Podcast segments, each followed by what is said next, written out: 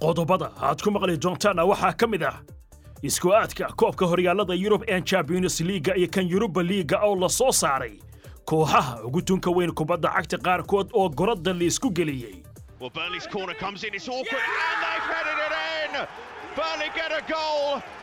Waa arsenal oo mixnadda iyo indhaxumada haysataa ay sii socoto. Xalayna banley oo aan ku badan guriga arsenal afartan iyo lix sano ayaa dhiiqada hoos ugu riixday chelsea oo la karbaashay. Liverpool oo lugta lagu dhigay. Tottenham oo taaka loo dhigay. Labada manchester oo dhaawaca kala jiitay. Tartanka subarkaabka soomaaliya oo lagu ballansan yahay berri. Real sociedad oo horyaalka sbain dib u hanatay. Ac milan oo xalay ka baxsatay siriq iyo dabin baarma ay la maaganayd iyo warar kale oo xiise leh.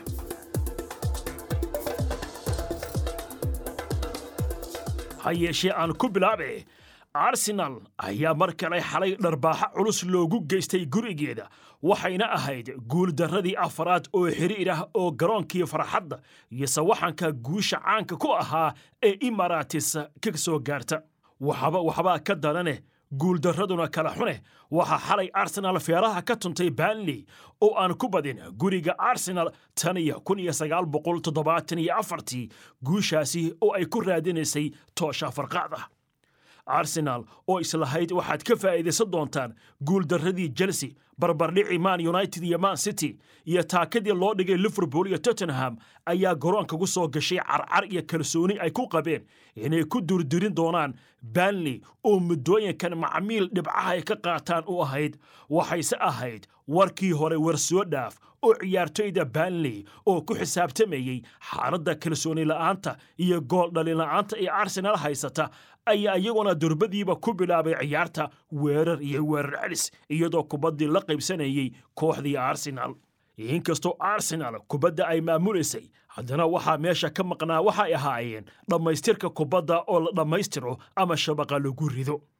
Dhinaca kale ciyaartoyda banley ayaa iyaguna arsenal sutida u qabtay isla markaasna xirtay difaac la mid ah qadkii baarlef arsenal wax ay waddo kubad isku dhiidhiib ah mid la soo laanjeeyey mid geeska laad ahaydba waxaa natiijadii qaybtii hore ay noqotay eber iyo eber taasi oo u muuqatay in tababaraha banley shon deesh iyo ciyaartoydiisa ay gooska ka qoslayeen ayna ku faraxsanaayeen sida ay fursadda ugu diideen arteta iyo ciidankiisii.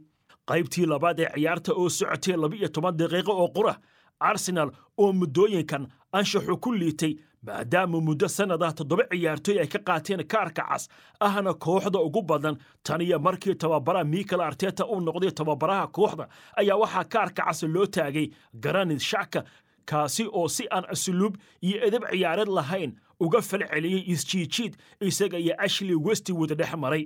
Taasina waxay keentay in garsoorihii ciyaarta dhexdhexaadinayey uu kaarka cas ugu bedelo kaarkii hurdiga ee markii hore uu siiyey ciyaartoyga arsenal kadib daymo dhug leh oo ugu dhaqaaqay qaladkaasi kana qooraansaday aaladda muuqaalka garsooraha caawisa ee v a r-ka loo yaqaan.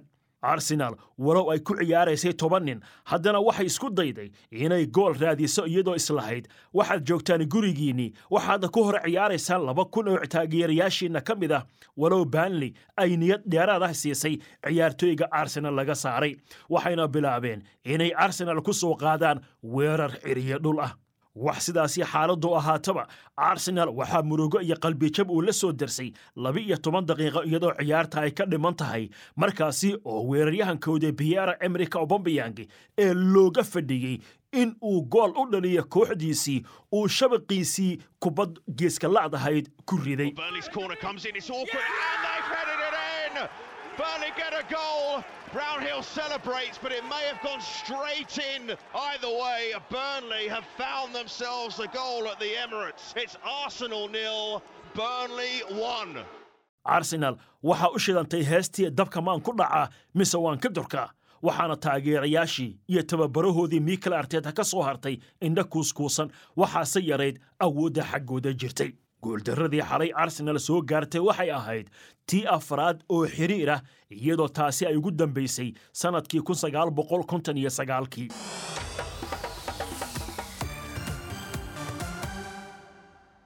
Kulamada kale ee horyaalka ingiriiska ee shalay iyo xalay fooda la isdaray fartuun ismaaciil ayaa soo jeedinaysa kooxda southamptom oo ku ciyaaraysay gurigeeda st mary stadium ayaa saddex iyo eber waxay ku xaaqday dhiiqana sii dhex dhigtay kooxda daalaadhacaysa ee sheffield united.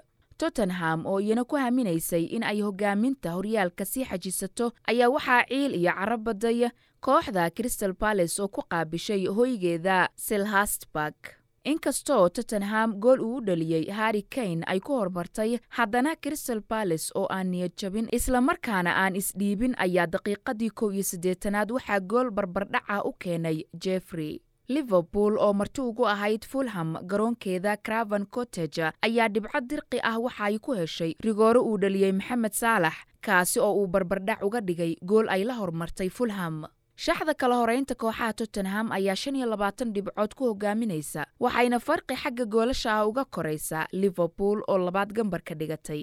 Saddexaad waxaa cidhiirsatay lester city oo leh afar iyo labaatan dhibcood afaraad waxaa jiifta southamptom oo leh saddex iyo labaatan dhibcood waa hagaag waxaa inoo soo socda ac milan oo ka badbaaday dabin iyo sariiq ay u dhigtay baarma iyo weliba horyaalka waddanka isbayn hoggaankiisa oo isbeddel uu ka yimid ha yeeshee magaalada muqdisho tartanka subarkaabka soomaaliya ayaa berri lagu ballansan yahay magaalada muqdisho iyadoo ay ballansan yihiin labada kooxood ee horay u kala hantay koobka jenaraal daa'uud iyo horyaalka soomaaliya. Warkaas iyo weliba diyaargarowga ciyaaraha gobollada soomaaliya waxaa magaalada muqdisho aan khadka telefonka kaga waraystay weriye maxamed cumar baakay mawlidoo labadan kooxood aad bay u soo hardameen wax badan bay soo wada cayaareen. Hadday noqon lahayd ciyaarihii horyaalka soomaaliya iyo koobkii jenaraal daa'uud waa laba kooxood aad isu yaqaan qaab ciyaareedka. Ficiltan ciyaareed uu ka dhexeeyo. Aad bayna isugu cilqabaan koobkan subarkaabaha waxa uu uga dhegan yahay kooxdii qaadaa magac iyo maamuus iyo sumcad. Waxayna labadan kooxood ee muqdisho city club iyo kooxda horseed kala haystaan horyaalka oo koobkaasi horyaalka haysto kooxda muqdisho waa munishibie iyo kooxda horseed oo haysta koobka jenaraal daud kooxdii markaa ku soo baxdana ayaa noqonaya subarkaabaha oo isku darsanaya koobka ay hore u haystay iyo koobka subarkaabaha brito garoonka engineer riso ee con stadium ayaana lagu balansan yahay. Taageerayaasha iyo maamulka ciyaartooyda tababarayaasha ayaa isku faanaya waxaana ay labada kooxoodba markaa muujinayaan waxa weeye sida ay kooxba kooxda kale uga adkaan doonto. Saadaalin buuxda lagama bixin karo koobka waa koob qiimo leh aad baana loo sugayaa. Hore koobkan waxaa u haystay kooxda dekadaha dhinaca kale mawlidow muqdisho waxaa laga sugayaa wafdiga ciyaartooyda maamul goboleedyada ee federaalka oo jimcaha soo socda ka bilaaban doona magaalada muqdisho. Waxaana markaa la diyaariyey dhammaan agabyadii iyo soo dhoweyntii sida uu sheegay mas'uul ka tirsan xiriirka soomaalida ee kubadda cagta. Tartankan ayaa ah tartan qiimihiisa iyo xiisihiisa gaarkaa leh marka laga hadlayo federaalka ama maamul goboleedyada oo ay sanadka ka qaybgalayaan puntland galmudug hirshabeelle ciyaartooyda gobolka banaadir koonfur galbeed iyo weliba jubbaland. Sanadkii u dambeeyey laba kun toddobiyo tobankii waxaa iyagu haystay tartankaasi oo koobkaasi qaaday kooxda jubbaland. Ac milan ayaa mar kale soo bandhigtay wacdaraha ay ku doonaysa inay ku hanantay horyaalka talyaaniga ee seeraaga kadib markii ay cidiyaha ugu dagaalantay dhibic muhiim ahayd kulan laysku jilba murxay oo xalay ay kula yeelatay garoonkeeda sansiiro kooxda baarma oo marti u ahayd. Ciyaarta ayaa laba mar. Baarma waxay qabatay hoggaanka iyadoo daqiiqadii saddex iyo tobnaad ee ciyaarta uu hoggaanka siiyey kooxda baarma hernani anveza waxaana gool labaad ac milan ugu daray qaybtii labaad daqiiqadii konton iyo lixaad jasmin cortich ac milan oo aan isdhiibin ayaa waxaa laba gool u dheliyey tio hernandes iyadoo mid ka mid ah labada goolna uu dheliyey daqiiqadihii ugu dambeeyey ee ciyaarta kulamada kale ee qaybta ka horyaalka talyaaniga ee seeraaga ee xalay iyo shalay fooda laysdaray waxaa ka mid ahaa inter milan ayaa cidhiidhsatay kaalinta labaad kadib markii ay saddex iyo hal ku xasuuqday kooxda kagliyeri oo ay ugu tagtay gigideeda sardiana arena. Atlanta ayaa iyana intay ku marti soortay makaankeeda stadio de bergama kooxda fiorentina waxay beerka uga xashirisay saddex iyo eber. Roma ayaa iyana guul caaqibo leh waxay shan iyo hal ku xaaqday balonya oo ay ugu tagtay hoygeeda stadio renita deleara napoli oo ku qaabishay sabadoria garoonkeeda caanka ah ee magaca sao baalo ay ka bedeshay ayna ugu magac dartay haryeygeedii reer argentiin diego armando maradona ayaa feeraha uga tuntay labiya hal sabadooriya yuventus oo ku booqatay janawa garoonkeeda stadia lugis feraris waxay dhibcaha uga soo qaadatay saddex iyo hal. Dhanka kale horraynta kooxaha kaalinta koowaad waxaa ku jirta ac milan oo leh labaatan iyo toddoba dhibcood waxaa labaad ku jirta oo cagta cagta ugu haysa inter milan oo leh labaatan iyo afar dhibcood saddexaadna waxaa barkinta dhigatay napoli oo leh labaatan iyo saddex dhibcood afaraadna waxaa jeegajeega u jiifta yuventus oo faraqa ku sidata labaatan iyo saddex dhibcood.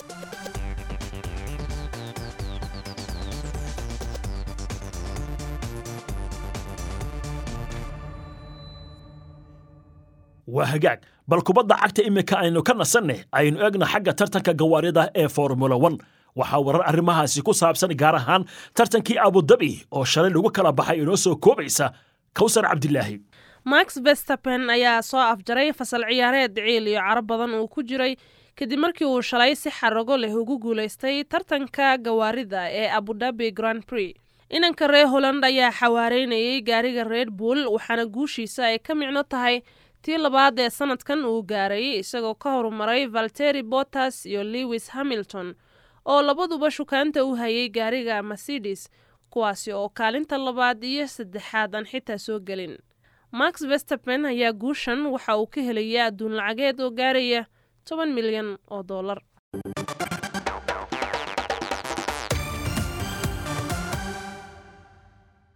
iminkana horyaalka waddanka sbain ee la liga. Wararkii ugu dambeeyey cabdilfataax ibraahim cagayare ayaa soo jeedinaya. Kooxda real sociedad ayaa waxa ay dib ula wareegtay hoggaanka horyaalka la liga ee waddanka sbain kadib ciyaar adag oo barbara hal iyo hala ku soo dhammaatay oo garoonkeeda arnot stadium ay kula yeelatay kooxda aiber kulankan oo ay foodda isku dareen labadan kooxood ee ka wada dhisan gobolka basque ee waddanka sbain ayaa sociedad waxa ay ku doonaysay inay ka faa'iidaysato dharbaaxadii sabtidii atletica madrid oo horyaalka hogaaminaysay ay kala kulantay. Dariskeeda kooxda real madrid real sociedad ayaa hoggaanka ciyaarta qabatay labaatan daqiiqadood oo keliya markii ay ciyaartu maraysay markaas oo shabaqa si xaraga leh uu kubad u cogsiiyey ciyaaryahan anda bareneti hase yeeshee qaybtii labaad ee ciyaarta daqiiqadii lixdan iyo lixaad ayaa kooxda martida ahayd ee aiber goolka barbardhaca waxaa u sixay ciyaaryahan sergi enrich. Natiijadaasi ayaa kooxda real sociedad waxa ay geysay halka ugu sarraysa ee horyaalka sbain waxaayna farqi goolasha uga sarraysaa kooxda atletica madrid oo ay isku dhibcan yihiin. Walow kooxdaasi ay laba ciyaarood u harsan tahay. Ciyaaraha kale ee shalay iyo xalay foodal iskula darayna waxaa ka mid a real batis oo hoygeeda benito villamarin stadium ku qaabishay kooxda villareal ayaa waxay ku kala baxeen barbardhac hal iyo hala kooxda elge oo iyana garoonkeeda stadium manuel martinez valero ku qaabishay kooxda grenado oo marti u ahayd ayaa dhibcihii ciyaarta waxaa kala tagtay grenado oo hal iyo eber uga badisay. Natiijo noocaas oo kale oo hal iyo eberna barcelona oo ku ciyaaraysay garoonkeeda camnu ayaa waxa ay si dirqa uga badisay kooxda lavente taas oo aanan waxba soo reeban. Waxaana goolka keliya ciyaarta barcelona u dhaliyey laacibkooda leonel messi daqiiqaddu markay ahayd lix iyo toddobaatan xagga shaxda kala horraynta horyaalkana waxaa kaalinta koowaad ku jirta kooxda real sociedad oo urursatay lix iyo labaatan dhibcood. Lix iyo labaatankaas dhibcood oo kalena waxaa soo urursatay kooxda atletica madrid oo dhanka goolasha laguga horreeyo. Saddexaad waxaa soo gashay kooxda real madrid oo saddex iyo labaatan dhibcood leh halka kaalinta afraad ay fadhiso kooxda villareal oo laba iyo labaatan dhibcood urursatay. Waa hagaag! Isku adkii champions liga iyo yuruba liga ayaa haatana la soo saaray. Kooxaha ilaa iyo hadda ugu cadcadda ee qoorta la isku gelaya waxa weeye barcelona iyo b s g. Atletica madridna waxay qaabili doontaa kooxda chelsea liverpool iyo weliba arbi lebzig ayaa iyaguna fooda istari doona. Atalanta iyo real madridna waa ay ballansan yihiin. Safiya iyo brushia dortmundna madaxa ayaa la isku geliyey. Bayer muushinna laziya ayay la hardami doontaa. Yuventus iyo bortona waa ay wada ciyaari doonaan. Dhinaca kale koobka yuruba liga haddii aynu eegno banfika iyo arsenal ayaa la isku aadiyey. Real sociedad iyo manchester unitedna qoorta ayay sila geli doonaan. Tottenhamna waxay la ciyaari doontaa wolfsburg. Leicester cityna waxay la hardami doontaa silvia braga intaasi ayaan ku soo gabagabaynayaa barnaamijkii faaqiidada ciyaaraha waa mawlid xaaji oo idinku dhaafaya. Ismaqal dambe oo xiise leh